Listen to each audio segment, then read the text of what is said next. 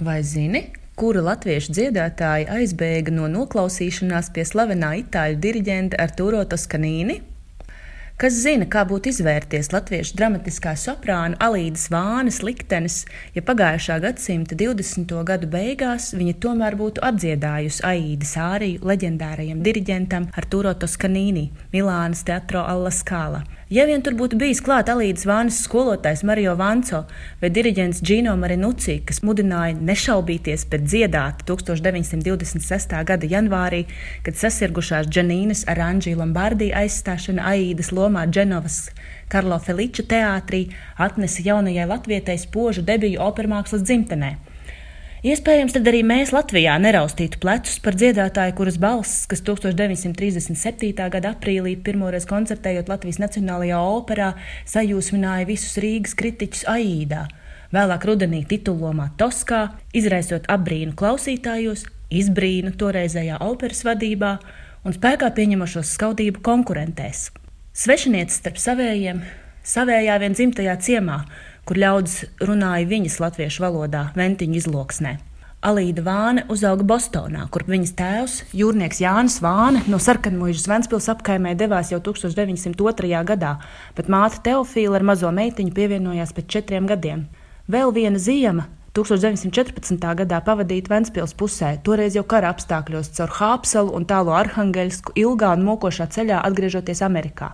Mūziku Alīda Vāna mīlēja kopš bērnības. 1922. gadā pēc sava Amerikas dziedāšanas profesora Viljama Vitnija ieteikuma doties uz Itāliju mācīties Belkanto, mātes pavadībā Alīda Vāna dodas uz Milānu pie maistro Mario Vittorio Vanco, pie kura cits starpā mācījies arī slavenais krievu basis Fjodors Šaļapins.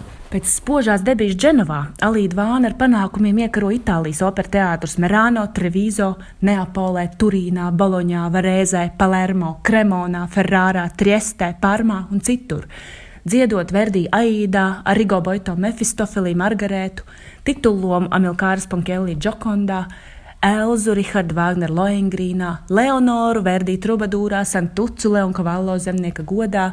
Tātad visai plašu un daudzveidīgu dramatiskā soprāna repertuāru jaunai, Milānā dzīvojošai un nulles studijas beigušai dziedātājai, turklāt ar cildinošām recenzijām Itālijas presē. Pēc pieciem panākumu pilniem gadiem Itālijā draugu un kolēģi iedrošināta Vāna ierodas Laskala, kas tolaik un arī tagad ir ikviena operdziedātāja sapnis. Bet lampu drudzes. Koncertmeistars sācis saīdas ārijas ievadu.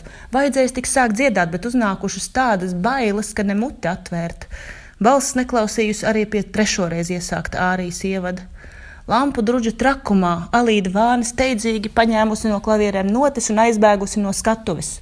Toskanīnī, būdams tuvredzīgs, manījis mākslinieks pēkšņi nozūdam, izsaucies: Kur tad tas krievs aizskrēja? Par krievieti Alīdu Vānu Rietumē Eiropā uzskatīja tādēļ, ka jaundibināto Latviju lielākoties vēl 20. gadu sākumā zināja vien retais, bet dziedātāji mēdza teikt, ka nāk no mazas zemes, kas, kad viņa to kā bērns atstājusi, bijusi Krievijas sastāvā.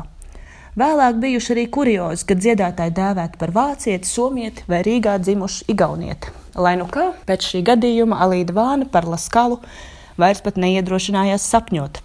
20. gada beigās viņa atkal dodas uz ASV, uzstājas Ņujorkas Roksī teātrī, muzikālā teātrī iestudējumā Modernā Pelnrašķīta, dzied vasaras brīvdabas izrādēs Klīvlendā, Ņujorkā, Bostonā un Providencā. 30. gados radošā geogrāfija vispirms ved atpakaļ uz Eiropu, Pulu Horvātijā, Amsterdamu, Hāgu un Rotterdamu Nīderlandē, ar Pučīnī Manon Lesko un Giordano Andrē Šenjē Taču 35. gadā mākslinieci aicina pievienoties kāda vācu operas trupa uz viesizrādēm Dienvidamerikā, Argentīnā, Čīlē un Urugvajā.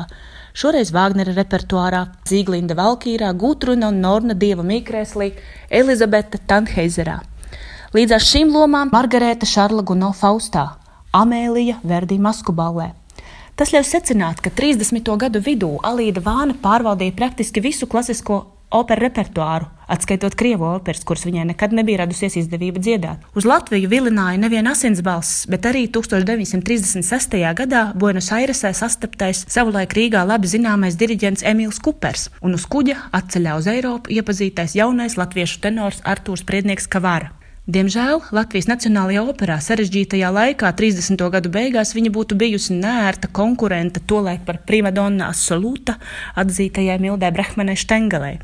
Savukārt padomju okupācijas laikā tika atrasti citi iegansti, lai Alīda Vāne operas iestudējumos būtu dzirdama reti un lai praktiski nebūtu saglabājušies viņas balss ieraksti, lai arī dziedātāja bija LPSR filharmonijas soliste.